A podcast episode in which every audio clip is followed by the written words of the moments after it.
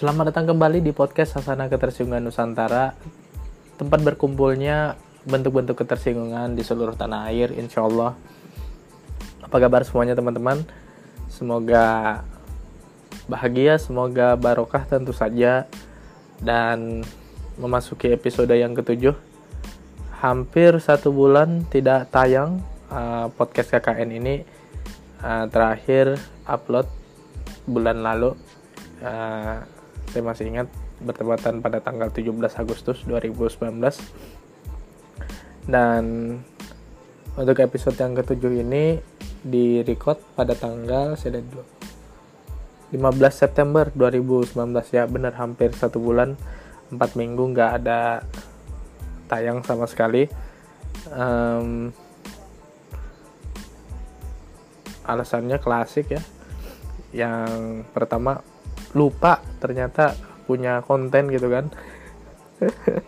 Ya yang kedua uh, kesibukan urusan duniawi tentu saja.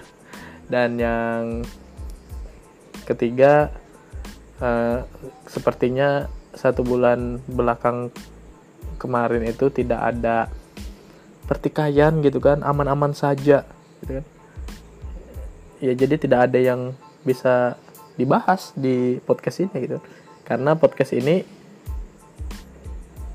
uh, isinya ya pertikaian.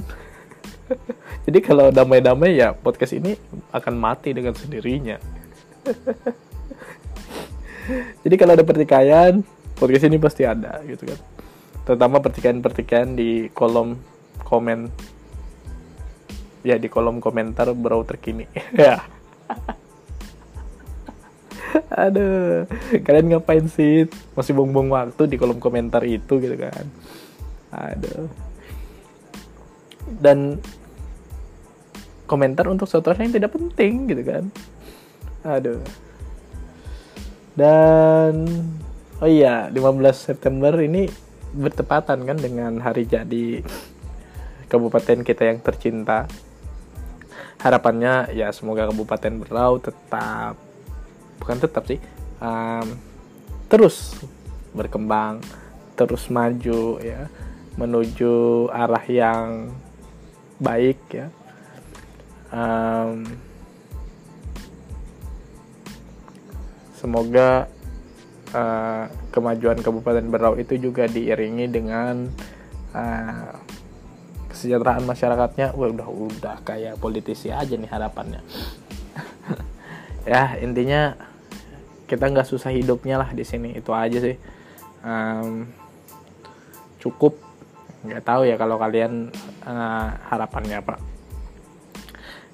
Dan sebuah ironi ketika kita merayakan hari jadi kabupaten dan sambil ya di selimuti kabut asap yang cukup tebal hampir sudah beberapa minggu ini. Dan puncaknya kayaknya tiga hari terakhir ini. Sampai-sampai uh, bandar udara Kalimarau juga ditutup. Um,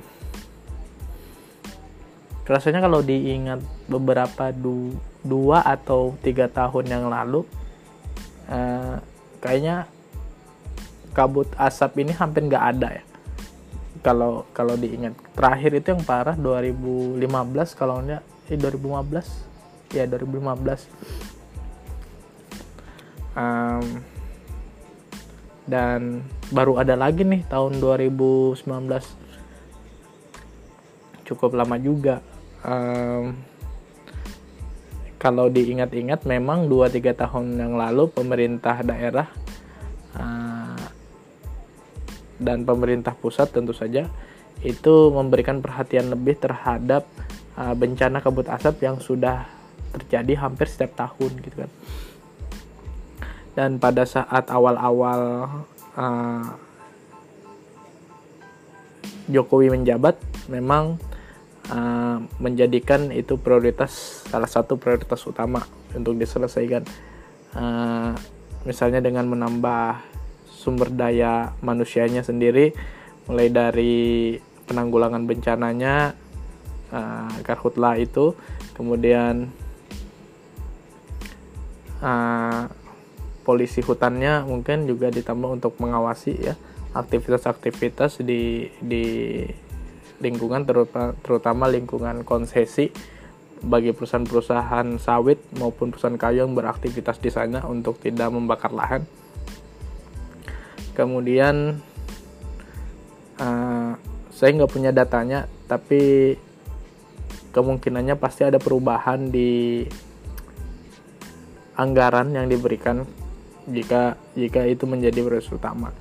Dan apakah tiga hal yang uh, saya sebutkan di awal tadi ada perubahan di tahun ini sehingganya bencana kabut asap ini kembali terjadi gitu kan? Um, ya kita tetap harus memberikan apresiasi yang tinggi terhadap teman-teman uh, yang berusaha untuk memadamkan uh, api ya. Titik-titik api pasti mereka uh, siang dan malam ya bertugas. Semoga dilindungi tetap sehat. Um, sebenarnya pun kita bisa berkontribusi juga dengan dengan dengan hal ini gitu kan. Ya sesuai dengan kemampuan kita saja lah gitu kan. Ya kalau kita nggak mampu untuk ikut bantu ke lapangan ya paling enggak kita punya kesadaran ya. Kesadaran terutama kepada teman-teman yang mungkin sedang dalam perjalanan gitu kan. Misalnya ke mana gitu ke arah Tanjung Batu atau ke arah Tabanan misalnya mau ke Sega kan pasti lewat situ atau ke Kelai pasti lewat situ juga. Atau ke arah biduk-biduk kan itu. Karena kalau musim kemarau seperti ini uh, semak belukar yang di pinggir jalan itu kering gitu, pasti. Ya bagi teman-teman yang merokok ya rokoknya puntung rokoknya jangan dibuang sembarangan gitu kan. Dipetek keluar dari jendela mobil tuh ke semak itu ya pasti jadi gitu kan. Itu yang yang hitungannya itu seng, sengaja sih kalau gitu. Kalau yang nggak sengaja itu memang alami ya kayak gini. Biasanya kalau kalau kering semak itu atau beberapa pohon kering itu kalau tertiup angin ranting-ranting bergesekan itu bisa memicu percikan api. Nah, itu alami sebenarnya. Bisa juga seperti itu. Tapi ya kita mungkin yakin ya kebanyakan itu ya yang sengaja misalnya ya puntung rokok atau pembukaan lahan untuk uh, pertanian atau pembukaan lahan untuk perkebunan. Karena apa? Karena kenapa orang bakar lahan? Karena biayanya murah gitu kan. Ya kalau bakar gimana ya? Ya serba salah juga gitu sih bagi bagi penduduk penduduk yang mau berkebun ya. Nah, dia sendiri. Aja dia kan mungkin punya lahan hanya berapa uh, meter aja untuk uh, ditanam ditanamin tanaman musiman saja seperti itu kan. Nah sebenarnya yang berdampak besar ya kalau lahannya sampai berhektar-hektar gitu kan untuk untuk menanam perkebunan kelapa sawit mungkin kan. Ya kalau menggunakan alat berat untuk membuka lahan itu biaya operasionalnya pasti lebih mahal dibandingkan dengan membakar yang lebih murah gitu kan. Ya intinya itu dah pasti penyebabnya nggak nggak ada lain. Aku nggak mau terlalu bicara jauh karena nggak punya datanya. Um, nanti perusahaan-perusahaan tersinggung lagi tuh. Eh, tapi kan memang itu tujuannya. Um, sekali-sekali podcast ini tadi uh, pengennya memberikan informasi kita berbagi mungkin bisa juga mengedukasi teman-teman juga. Uh, jadi ada ada hal yang menarik ketika kabut asap ini uh, terjadi gitu kan. Nah bagi kita sendiri karena ini sudah terjadi ya kita pencegahan untuk masalah kesehatan kita itu itu yang penting sekarang kan. Kalaupun kita nggak punya sumber daya untuk uh, ikut memadamkan titik-titik api ya dengan sudah kabut asap yang terjadi, terjadi seperti ini ya kita proteksi diri kita mencegah uh, gangguan kesehatan yang terjadi. Nah ada yang menarik gitu. Uh, kalau sudah kabut asap ini ada kegiatan bagi-bagi masker uh, di di jalan gitu untuk uh, pengendara roda dua ya. Uh, bagi-bagi masker itu tindakan yang baik ya menurut saya kan. Artinya kita saling berbagi. Nah, berbagi ya untuk ini cuma ada beberapa yang perlu diperhatikan gitu tentang pemilihan masker yang digunakan terutama saat saat uh, kabut asap seperti ini gitu kan. Nah, kebanyakan yang saya perhatikan itu masker yang dibagikan itu adalah tipe uh, surgical mask namanya. Yaitu masker bedah yang berwarna hijau itu. Yang satu kotak itu sampai isinya ada seratusan mungkin ya. Berlembar-lembar gitu. Nah, surgical mask itu sebenarnya uh, bisa digunakan tapi tidak efektif gitu kan. Nah, kenapa? Karena ada tipe masker yang lain yang akan saya bahas satu-satu. Oke? Okay? Nah, jadi gini. Uh, masker untuk perlindungan tuh ada minimal ada tiga ya. Yang pertama tadi yang uh, surgical mask atau surgery mask atau gampangnya itu masker bedah ya orang orang umum kalau di dunia medis itu bilangnya masker bedah. Masker bedah itu yang warnanya hijau gitu yang biasanya dijual kotakan isinya 100 lembar kalau nggak salah itu isinya. Nah masker bedah ini uh, harganya memang relatif murah dan bisa dijangkau. Bahkan ada sudah pilihan warna gitu kan. Sudah ada beberapa pilihan warna uh, yang bisa dipilih misalnya kalian bosan tuh dengan warna hijau. Misalnya pernahnya pernah soalnya aku lihat itu ada yang warnanya pink ada warna biru ada warna abu-abu gitu kan. Uh, boleh aja gitu kan. Masker bedah ini sebenarnya fungsinya fungsi utamanya itu adalah menghalangi kontaminasi cairan. Nah, jadi menghalangi kontaminasi cairan baik dari luar maupun cairan kita sendiri. Jadi misalnya kita sedang sakit, kita gunakan itu uh, sakit flu misalnya. Jadi kita menghalangi kontaminasi cairan tubuh kita yang sedang sakit dengan orang yang sehat itu atau bisa juga sebaliknya kita menggunakan itu untuk menghalangi kontaminasi uh, cairan dari luar tubuh kita apa gitu kan agar tidak mengenai mulut. Nah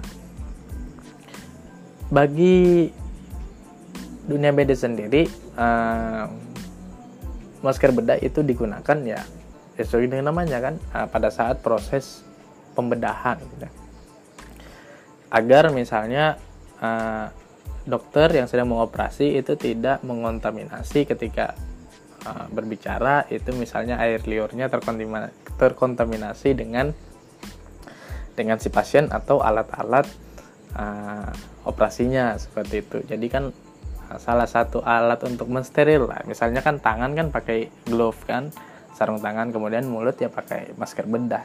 Nah karena fungsinya itu jadi penggunaan masker bedah untuk luar ruangan itu kurang pas atau kurang tepat gitu. Nggak salah sih.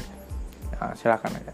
Nah, itu kekeliruan yang pertama gitu. Jadi kurang pas gitu. Nah, yang kedua adalah kebanyakan orang menggunakan masker bedah itu berkali-kali. Jadi misalnya nih dipakai dari Gunta ke Tanjung kan itu kan eh Gunta ya ini pendengar yang luar berop nanti tidak tahu. Jadi misal, misal misalnya dari dari rumah ke kantor udah misalnya jaraknya itu 30 menit perjalanan kan itu kan udah terkena debu gitu kan. Ya udah itu langsung dibuang gitu kan. Kalau kalau dipakai lagi ya yang ada kok sakit gitu kan malah kalau terkena terkena ini uh, kuman-kuman yang lebih banyak yang numpuk kan kayak gitu nah jadi itu penggunaannya satu kali pakai gitu kan. Ya jangan inilah jangan pelit ya kan. Itu harganya juga murah kayak gitu kan. Nah itu. Itu ya tentang masker bedah nah jenis masker yang kedua adalah yang umum namanya itu masker N95.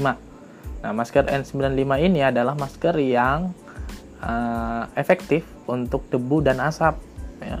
Jadi kalau mau cari tanya aja di apotek atau di tempat uh, penjualan alat safety. Nah, karena itu standarnya merupakan alat safety masker N95 ya namanya. Jadi masker N95 itu masker yang lebih efektif untuk menyaring debu maupun asap. Nah, masker N95 N95 ini pemakaiannya ya tergantung kondisi masker itu. Jadi bisa ber, berulang gitu kan nggak seperti masker bedah. Tuh. Jadi kalau memang kita punya niat untuk membantu sesama, ya dibagikanlah masker N95 gitu kan, jangan masker bedah. Ya, ya niat baik pun harus diikuti dengan cara yang tepat gitu kan. Nah, Oke, jadi namanya itu masker N95 kalau kalian mau mau menghalangi debu maupun asap karena itu lebih efektif menyaring debu dan asap ya dibandingkan surgical mask atau masker bedah. Dan yang terakhir adalah masker alay ya atau masker alay kayak yang motif Doraemon, Hello Kitty ya atau masker buff kayak apa itu kan nah, itu sama sekali tidak melindungi Anda dari apa pun gitu kan. ya, tahu kan? Masker masker karakter tuh masker karakter gitu. tidak melindungi anda dari apa pun gitu kan. Ya kalau anda tersugesti menggunakan itu terlihat lebih imut lebih lucu ya kan? Oh, silahkan ya kan? Tapi sama sekali tidak melindungi anda dari apa pun.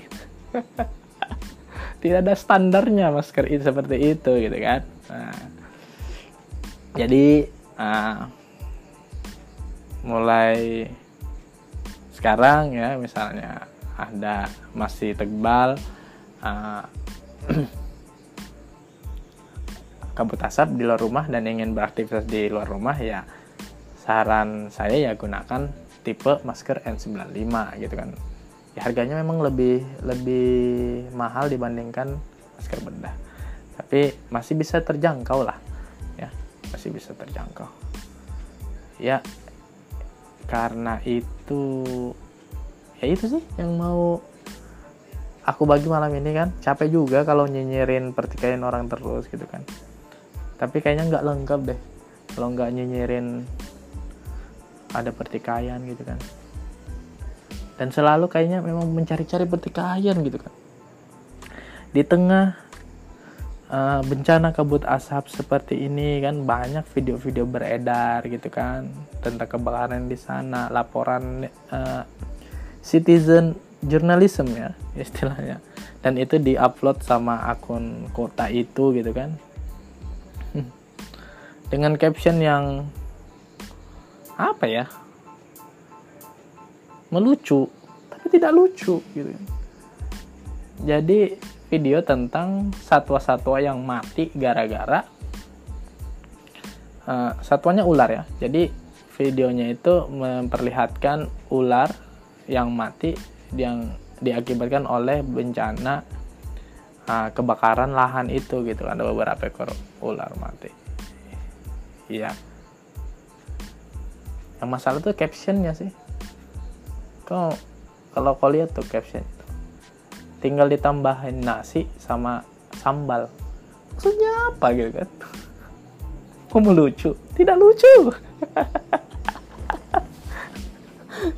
saran saya aja ini saran saya untuk akun itu ya. Kalau memang mau melucu bikin akun sendiri ya kan? Yang memang khusus melucu gitu kan? Karena itu aduh saya saya cuma mengingatkan aja. Hati-hati loh ya. Anda bisa diserang oleh uh, pecinta hewan gitu kan? Garda satwa dengan postingan itu. Hati-hati ya ya. Hati-hati gitu kan karena sudah ada beberapa kejadian gitu. Tapi ya silahkan monggo dilanjutkan demi kolom komentar anda supaya ramai likes banyak ya. Traffic tinggi ya. Endorse endorse endorse. Ada. Ya. Itu aja dulu untuk episode kali ini. Um, ya episode berikutnya ya nggak tahu apalagi akan dibahas ya. Itu saja untuk episode ketujuh podcast Sasana Kata Nusantara. Sampai jumpa di episode berikutnya. Bye bye